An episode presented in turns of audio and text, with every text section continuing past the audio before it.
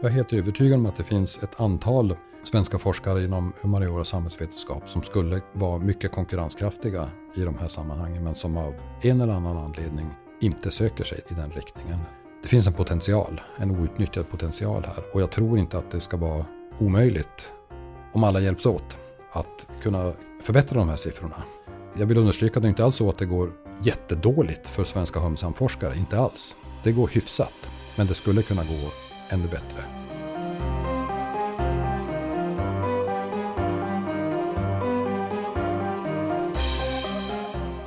Hej och välkommen till Curie-podden, en podd om forskningens villkor.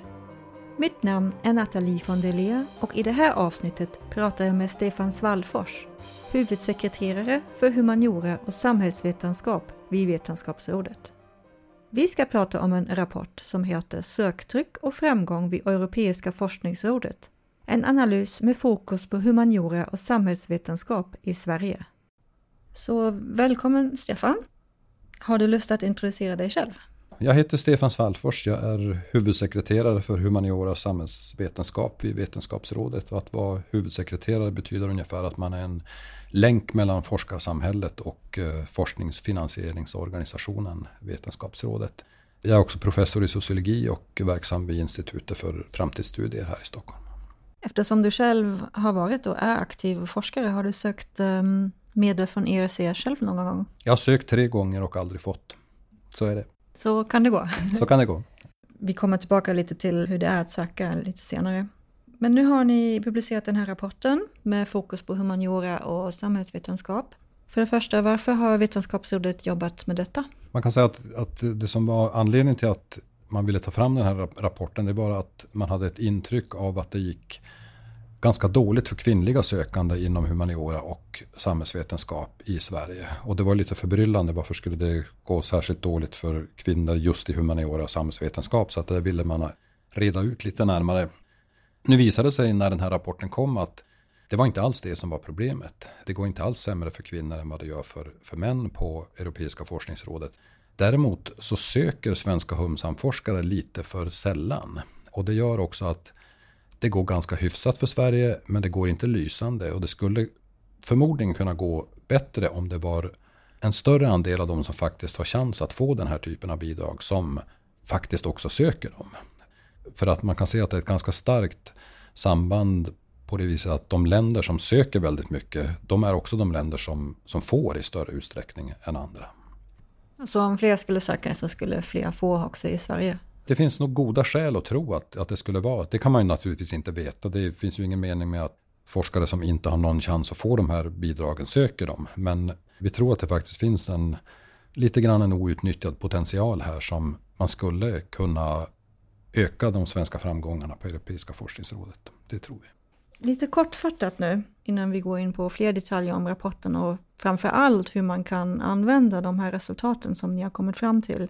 Vad är ditt perspektiv på den här rapporten? Hur ser du på den? Jag tycker den är en på flera sätt exemplarisk rapport och en rapport som är viktig på det viset att den identifierar att det vi från början trodde var problemet inte är problemet utan det finns ett annat problem. Och, och det är ju oerhört värdefullt för ämnesrådet för humaniora, samhällsvetenskap och andra som vill fatta beslut i, i de här frågorna. Det är otroligt viktigt att ha ett bra underlag så att man inte sätter igång att försöka lösa fel problem utan att man faktiskt fokuserar på det som faktiskt är problemet. Och det, det är ju en oerhört värdefull rapport på det sättet. Ni har ju väldigt konkreta råd också i den här rapporten, både till forskare, lärosäten och till forskningsfinansiärer vad man kan göra härnäst. Vad är det viktigaste där tycker du? Om jag skulle lyfta upp någonting särskilt så skulle jag nog säga att den allra viktigaste rollen har de relativt nära och små forskningsmiljöerna ute på universiteten. För att det är i de här miljöerna som man faktiskt känner till vilka forskare det kan vara som kan komma i fråga för den här typen av bidrag. Och det är där också som man kan uppmuntra och stötta eh, forskare som, som vill söka. Så det, det, skulle jag nog se som det absolut viktigaste. Det är att man ganska långt ner i organisationerna i de grupperingar där man faktiskt genomför forskning. Att man där liksom stöttar de personer som, som det kan vara frågan om. Men sen finns det naturligtvis saker som forskningsfinansiärerna kan göra, saker som man kan göra på lärosätesnivå. Från forskningsfinansiärerna så gör vi ju redan nu försöker vi stötta de som söker för de bidrag där man gör intervjuer så preppar vi de, de sökande så att de ska göra så bra som möjligt ifrån sig på intervjuerna. Vi kan också coacha i olika avseenden hur, hur man ska tänka kring hur man lägger upp en sån här ansökan och så vidare. Men det är också väldigt viktigt att man på lärosätesnivå gör det man kan för att stötta den här sortens eh, ansökningar. Och där tror jag en sån viktig sak det är ju hur, hur medfinansiering från lärosätena ser ut. Där varierar det ganska mycket på det sättet att man på en del ställen så, så hämtar man denna medfinansiering ganska långt ner i organisationen på institutions eller till och med på forskargruppsnivå. Och det är ju delvis problematiskt eftersom då kommer en framgångsrik eh, ansökan till Europeiska forskningsrådet kommer så att säga att äta upp utrymmet för de närmaste kollegorna. Och det är ju inte riktigt lyckat, utan det där bör man nog sträva efter att ha en central pott Eh, för detta så att inte framgångsrika forskningsmiljöer plötsligt utarmas på grund av att de har varit framgångsrika. Det blir väldigt konstiga incitament i, i det där. Men det där hanteras på väldigt olika sätt ute på lärosätena och jag tror att det skulle finnas en poäng med att man satte sig ner och pratade om på vilket sätt man bäst stöttar de här ansökningarna. Och samma sak när det gäller det stöd som man kan få i själva ansökningsprocessen och i fråga om att så småningom administrera de här bidragen skiljer sig också ganska påtagligt. Och där är det väldigt viktigt att sådana här kontor eller positioner blir liksom ett genuint stöd för de forskare som ska söka. Så att inte det blir ytterligare en byråkratisk instans som man måste brottas med. För det kan ju också minska lusten att söka den här, den här sortens bidrag. Så att jag tror att alla de här tre, forskningsfinansiärer, lärosäten, men också institutioner och forskargrupper har väldigt viktiga saker att bidra med här. Det gäller ju alla områden antar jag och eh, det jag har hört i alla fall från eh, vänner och före detta kollegor är att det tar ju väldigt, väldigt mycket tid och energi att skriva en ansökan. Men just inom humaniora och samhällsvetenskap, vad är det så speciellt där att det är färre som söker? Jag, jag, vet faktiskt inte. Och eh, jag skulle nog också säga utifrån mina egna erfarenheter, och jag tror att det gäller för, för andra som har varit, det är inte så fruktansvärt krångligt att söka ERC-bidrag. Jag tror att många kanske i tanken så blandar man ihop de här bidragen med eh, de som kommer från det stora ramverksprogrammet. Och de ansökningarna är ofta väldigt komplexa. Har väldigt mycket så här micromanagement, att man måste rapportera in massor med saker som man gör hela tiden. Det blir väldigt mycket administration för ganska begränsade forskningsmedel. Europeiska forskningsrådet är inte alls lika krångligt. Man kan säga det är väl inte fullt så strömlinjeformat och effektivt som Vetenskapsrådets eget system är. Men det är, det är klart mycket lättare att hantera än, än ramverksprogrammen. Och jag tror att det kanske kan finnas lite grann en mytbildning om hur otroligt besvärligt det är att söka dessa bidrag. Det är inte en stor skillnad på att skicka en ansökan till Vetenskapsrådet eller att skicka den till Europeiska forskningsrådet. Känner forskare inom humaniora och samhällsvetenskap till att man kan söka från ERC överhuvudtaget? Eller i vilken utsträckning känner man till det? Jag, jag, jag, tror att det, det, det, varierar ganska mycket mellan olika forskningsmiljöer. I vissa forskningsmiljöer har man väldigt tydligt klart för sig att det här är en möjlighet för starka forskare att, att få en, en god finansiering. På andra håll tror jag inte riktigt att det här figurerar i tankarna kring vad det finns för, för finansieringsmöjligheter för, för forskningen. Och om den här rapporten kan och den podd vi nu spelar in kan i någon mån förbättra den situationen så tror jag att det, att det är väldigt, väldigt värdefullt. För jag tror nämligen att det finns en föreställning till kring de här bidragen som inte är helt korrekt. Och det är att det är så fruktansvärt svårt att få dem. Men om man tittar på beviljandegraderna så ligger de ungefär likadant som de gör på, på VR. Ungefär 10% av de som söker får bidrag. Det är naturligtvis en hård konkurrens men den är inte mycket värre än den är på, på andra håll. Så att jag tror att det kan finnas människor som forskare som låter bli att söka för att man tror att man är chanslös. Men så behöver inte alls vara fallet. Det där behöver man verkligen titta efter om det verkligen stämmer. Och då kan man titta på de som nu har fått de senaste åren. Är det, är det forskare i en helt annan division än där jag befinner mig själv? Eller är det som jag tror att i många fall är, ja men det är väldigt duktiga forskare, men det är jag också. Varför inte söka? I den här rapporten pekar ni ju bland annat ut att eh, många forskare inom humaniora och samhällsvetenskap har mycket undervisning och eh, därför mindre forskning och har mindre meritering i sina, för sina ansökningar. Vad kan man göra åt detta? Hur kan man göra en forskare meriterad för en ERC-ansökan? Ja, alltså där tänker jag mig att det är ganska mycket ett, ett, samspel mellan nationell och europeisk finansiering här. Alltså man kan tänka sig att man, man söker och får forskningsbidrag på en nationell arena och det blir i sin tur en, en språngbräda för att söka europeiska och andra internationella pengar.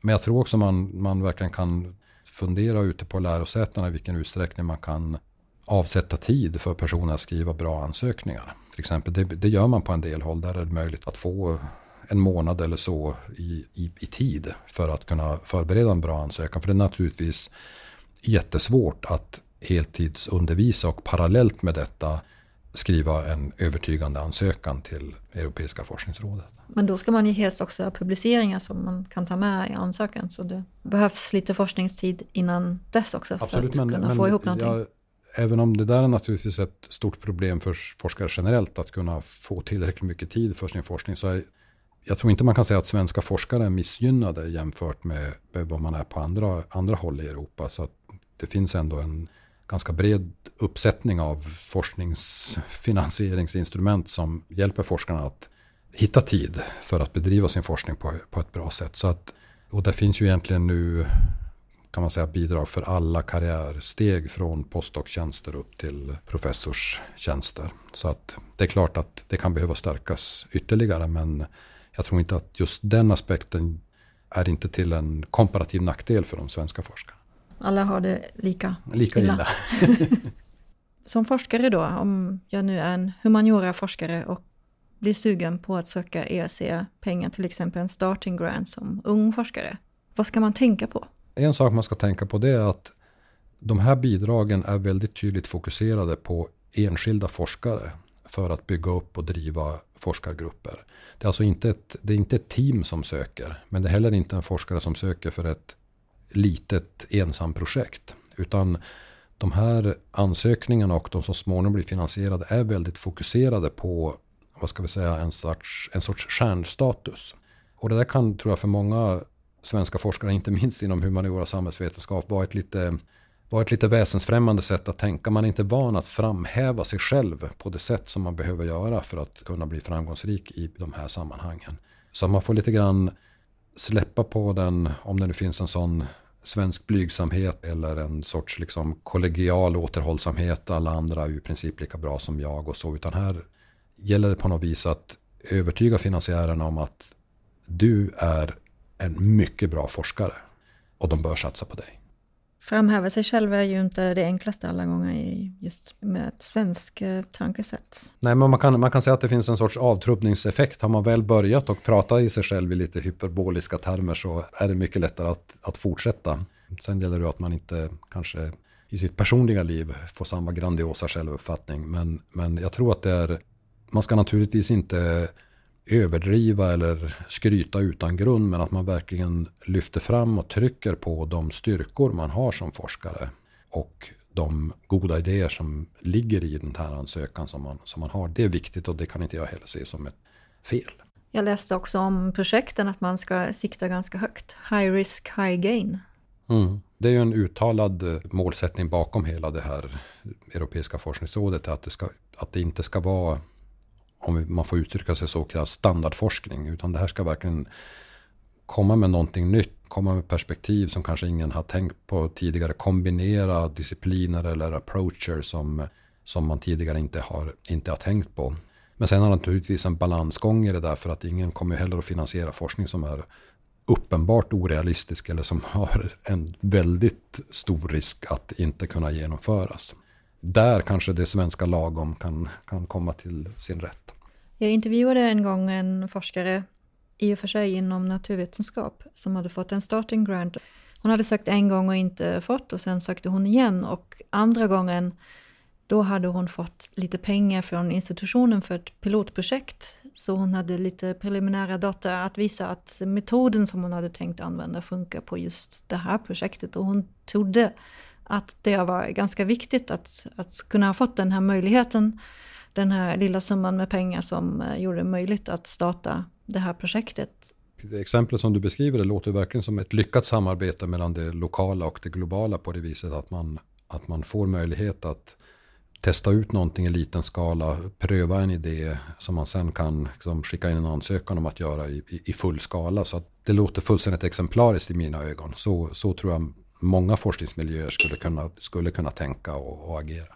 Tidigare i Curie har vi eh, skrivit om Eva Hemmungs Wirtén som blev den första kvinnan i Sverige att få en, ett advance grant från EAC inom humaniora.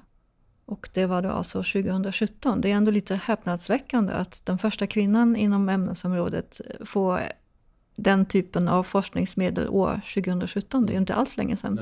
Nej, egentligen inte kanske sådär jättetydliga. Det kan, det kan ju hända att svenska forskare kanske har varit lite långsammare på bollen än vad man har varit på en del andra håll. Kan också, men nu bara spekulera, det kan ju också vara så att trots den hårda konkurrensområden om nationella forskningsmedel så kanske svenska forskare har en lite större chans att finansiera sin forskning nationellt än vad som är fallet på många andra håll. Att man därför har varit lite, lite långsammare med att ta det steget. Och i synnerhet om man har levt i en föreställningsvärld att det här är väldigt, väldigt besvärliga bidrag att få och att så småningom driva så kanske man hellre har valt nationell finansiering så länge man har kunnat få den. Men bättre lite senare än inte alls skulle jag säga så att det är ju väldigt positivt. I den här artikeln om Eva Hemmungs Wirtén, hon säger också att man måste nästan ha en tvåårsplan för att söka. Och i rapporten är ni också inne på det, att man ska vara beredd på att söka igen, att söka två mm. gånger, att man inte ska börja tänka tanken för sent att nu ska jag söka EAC. Det är ju alldeles riktigt eftersom det här är trots allt ansökningar som är ganska stora. Man behöver ofta sy ihop eh, samarbeten och nätverk med, med forskare på andra håll. Man behöver slipa sin, sin ansökan. Man kanske behöver testa en del saker också på det sätt som vi pratade om för en liten stund sedan. Så att det är otroligt viktigt att ha ett långtidsperspektiv. Men det är också viktigt, det som jag tror hon säger här, det är att man ska inte låta sig nedslås om man får avslag en gång. För att det är trots allt bara 10 procent som får. Och det behöver inte betyda att det var något avgörande fel på ens ansökan. Det får man naturligtvis titta på hur omdömen såg ut. Men också kalibrera det där med liksom kollegor i den egna närmiljön. För ibland så har ju även bedömare dåliga dagar och kanske liksom onödigt, onödigt negativa. Och då gäller det att inte bli nedstämd och eh, avskräckt av detta utan att, att försöka igen. Och det säger jag som har försökt tre gånger utan att lyckas. Vad fick dig att sluta efter tre gånger? Det var nog helt enkelt att jag flyttade till VR. Om vi ska återkomma lite till meritering, då är ju publiceringar, vetenskapliga publiceringar, det är ju hårdvaluta i, i forskarvärlden. Och där kan det ju finnas några problem inom humaniora som ni också skriver om i rapporten, att man ganska ofta skriver på svenska, får att meritera sig internationellt eller bli citerad. att man också publicerar böcker i högre utsträckning och så vidare. Vad kan man då göra för att öka just den meriteringen som blir bra i en ERC-ansökan? Det mönstret att man i större utsträckning publicerar på det egna språket och att man i större utsträckning publicerar böcker istället för artiklar. Det är ju inte något som, som särskiljer svensk humaniora från humaniora på andra håll. Utan det är ju väldigt tydligt på det sättet. Det som då eventuellt kan göra svenska humanister missgynnade det är ju att, att det svenska språkområdet är så litet jämfört med om man skriver på franska eller tyska eller spanska. Engelska har ju i stor utsträckning blivit liksom det, det allmänna vetenskapliga språket men för många humanister är ju själva framställningsformen och att skriva väl och så vidare är viktiga egenvärden. Och där kan man ju spekulera bara i att man kanske i större utsträckning skulle, skulle kunna söka pengar för översättningar av viktiga verk på, på svenska som förtjänar att nå en, nå en vidare publik. Och det kommer ju då i sin tur också att vara bättre ur meriteringssynpunkt. Sen är det ju inte alldeles klart för mig och kanske inte för någon annan heller hur viktiga är alla dessa mått på citeringar och H-index och så vidare. Hur viktiga är de i den samlade bedömningen på Europeiska forskningsrådet? Det där tror jag varierar ganska mycket mellan olika bedömningsgrupper och discipliner. En del discipliner är väldigt mycket fokuserade på det. För andra discipliner spelar det där inte någon större roll utan man ser mycket mer till kvalitet och innehåll i, i det som görs. Men jag tror överhuvudtaget det är naturligtvis viktigt för forskare oavsett disciplin och inriktning att nå ut till en bred vetenskaplig publik och att inte liksom ständigt vända sig inåt mot det egna vetenskapssamhället. Och där är ju publikationer och översättningar till engelska viktiga. I de här förslagen som ni har, ett förslag är att lyfta fram goda förebilder för att inspirera forskare att söka. Ni nämner bland annat eh, genom eh, artiklar i Curie. Just det här med förebilder, varför är det så viktigt? Jag tror att det är viktigt av flera anledningar. En anledning är just för att slå hål på den här myten om att det bara är några alldeles särdeles exceptionellt eh, fantastiska forskare som överhuvudtaget kan komma i fråga för de här bidragen. Om man då ser att det finns duktiga forskare i ens egen närmiljö som, ja, som är människor de också, som har fått sådana här saker, då, då kan man tror jag, inspireras av att tänka, ja, men, om hon kan, om han kan, varför inte jag? Jämfört med om man föreställer sig någon avlägsen superstjärna som man omöjligt kan komma i, i närheten av. Men det är också viktigt med förebilder för att ta tillvara på deras erfarenheter i ansökningsprocessen. Vad, vad är det de var med om? Hur tänkte de? Hur resonerade de när de satte ihop sitt team? När de skrev ansökan? Vad var det de tryckte på? Vad var det de, de höll tillbaka? Alla möjliga saker. Hur gick det för dem på intervjun? Vad var upplevelsen där? Vad frågade efter? Hur, vad tänkte man efteråt att man borde ha sagt för någonting? Och det finns ju hundra sådana små tips som ju är oerhört värdefulla att ta vara på så att inte varje enskild forskares erfarenhet av detta blir någonting som ingen annan tar del av eller, eller, eller kan få hjälp av. Så det, jag tror att det är oerhört viktigt med goda exempel. De är särskilt viktiga i de små lokala miljöerna men de är också viktiga på ett vad ska vi säga, nationellt plan. Ni är också inne på alumni-nätverk och eh, mentorer just för detta. Och det är ju egentligen samma, samma idé fast där ligger kanske tyngdpunkten mer på just det här att ge goda råd snarare än att själv vara det här exemplet. För att det är ju överhuvudtaget så med forskning att allt väsentligt som händer händer väldigt långt ner i organisationen i mötet mellan forskare i ganska små och nästan intima forskningsmiljöer. Det är, det är där som de nya tankarna uppstår och det är där som man blir uppmuntrad eller avskräckt eller något annat. Det som forskningsråd och, och, och universitetsledningar säger, det är inte oviktigt men det är inte alls lika viktigt som vad som händer nere på basplanet. Så en viktig aspekt är också själva forskningsmiljön? Ja, mycket, mycket. Mm. Ja, och de kan ju se väldigt olika ut beroende de, på var de man är. Se, de kan se väldigt olika ut och, och, och jag tror att de forskningsmiljöer som lyckas bäst, de lyckas hitta den här balansen mellan konkurrens och hjälpsamhet. Man är inte ensam som forskare. Det är klart att i någon mening konkurrerar vi alla med varandra hela tiden om publiceringsutrymme och forskningsresurser och annat. Men på ett annat vis kan man ju ofta hjälpa varandra i de här lokala miljöerna. Men då gäller det att etablera ett ledarskap som kan ta fasta på just detta att vi gör det här tillsammans, vi hjälps åt, vi kan alla lyftas. Snarare än att man ska ha en konkurrens med kniven på strupen inom en liten forskargrupp. Där man då inte kan få hjälpa varandra, man kan inte utnyttja alla de resurser som de andra har. Det tror jag är väldigt, väldigt viktigt att befrämja den sortens ledarskap snarare än ett som bygger på individkonkurrens och utslagning. Ja, för det måste ju bli lite konstigt när det är flera stycken som söker. Men det har man ju ganska ofta, flera stycken söker samma medel eller från samma forskningsfinansiär när det är de här ansökningstiderna. Och det måste ju även hända på ERC-nivå, att det är kanske är tre stycken unga forskare från en institution som söker. Mm, så kan det vara. Men man måste ju då ha klart för sig att, att man konkurrerar med hela Europa eller när man söker på nationella forskningsråd så konkurrerar man med resten av, resten av Sverige. Så att det är inte så att min kollegas olycka blir min lycka och, och tvärtom. Så är det lyckligtvis inte utan konkurrensen är på en mycket mer abstrakt nivå. Alla kan tjäna på att samarbeta i de lokala miljöerna. Om vi spekulerar lite här, framtiden. Nu har ni gjort den här rapporten och det är ju viktiga slutsatser att svenska söker för lite. För det första, kan vi få upp eller kan man få upp eh, antal sökande inom humaniora och samhällsvetenskap? Ja, jag, jag, tror absolut att det är möjligt. Jag är helt övertygad om att det finns ett antal svenska forskare inom humaniora och samhällsvetenskap som skulle vara mycket konkurrenskraftiga i de här sammanhangen men som av en eller annan anledning inte söker sig i den, i den riktningen. Så det tror jag absolut. Det finns en potential, en outnyttjad potential här och, och jag tror inte att det ska vara omöjligt om alla hjälps åt att kunna förbättra de här siffrorna. Jag vill understryka att det inte alls så att det går jättedåligt för svenska humsamforskare, inte alls. Det går, det går hyfsat, men det skulle kunna gå ännu bättre, är vi rätt övertygade om. Och det ska vara intressant att så småningom om ett antal år, för det här är ändå ganska lång, långsiktiga processer, komma tillbaka till en sån här utvärdering och se vad har hänt? Blev det bättre? Söker fler Humsamforskare nu? Har vi fått fler ERC-bidrag till, till Sverige eller inte?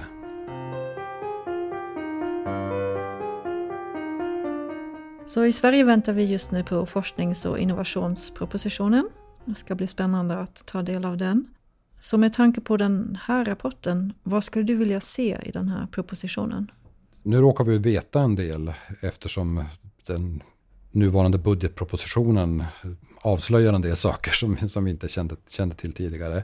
Det ser ju på det hela taget väldigt positivt ut för, för svensk forskning i den här propositionen. Jag tror bättre än vad jag tror någon hade kunnat föreställa sig. Och det handlar ju dels om en ganska stor satsning på nationell och internationell infrastruktur som ju är väldigt viktig. Inte minst i ESE-sammanhang att man har bra forskningsinfrastrukturer att, som man kan basera sin, sin forskning på. För humsamforskare gäller det ju alla möjliga saker som eh, registerdata, stora surveydatabaser, psykologiska laboratorier, bibliotek och arkiv och mycket annat som är basen, som är förutsättningen för att vi ska kunna bedriva riktigt bra forskning är ju att vi har, att vi har bra data.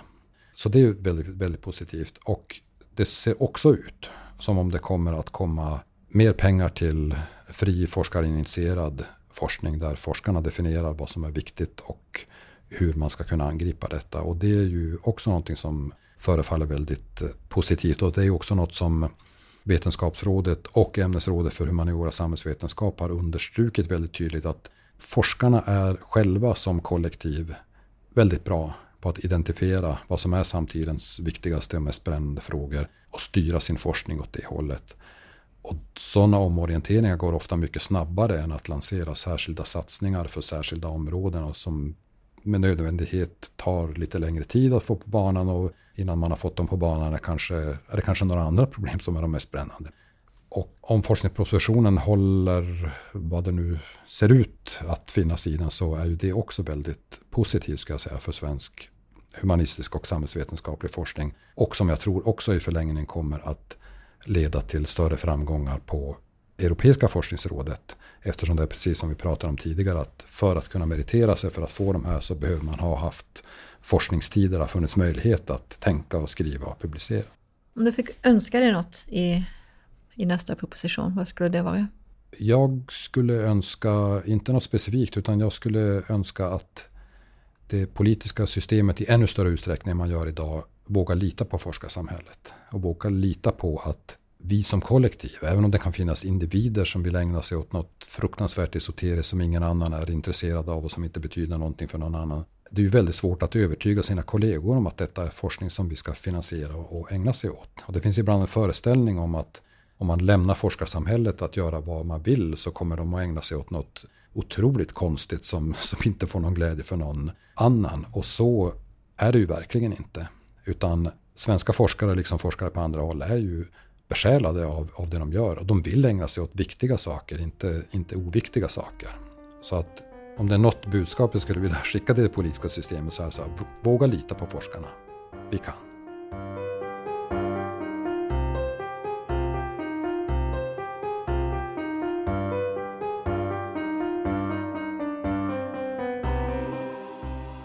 Du har lyssnat på Curie-podden, en podd om forskningens villkor. Vi tackar Stefan Svallfors för hans medverkan. Du kan hitta en länk till Vetenskapsrådets rapport och Curie-artiklarna som vi har pratat om i det här avsnittet på vår hemsida tidningencurie.se. Där hittar du också fler poddavsnitt, artiklar, debatter och bloggar om forskningens villkor och forskningspolitik. Jag som har pratat med Stefan Svallfors och redigerat det här avsnittet heter Nathalie von der Tipsa gärna dina vänner och kollegor om Curie-podden. Curie-podden finns på Soundcloud, iTunes, Spotify och Acast. Tack för att du har lyssnat.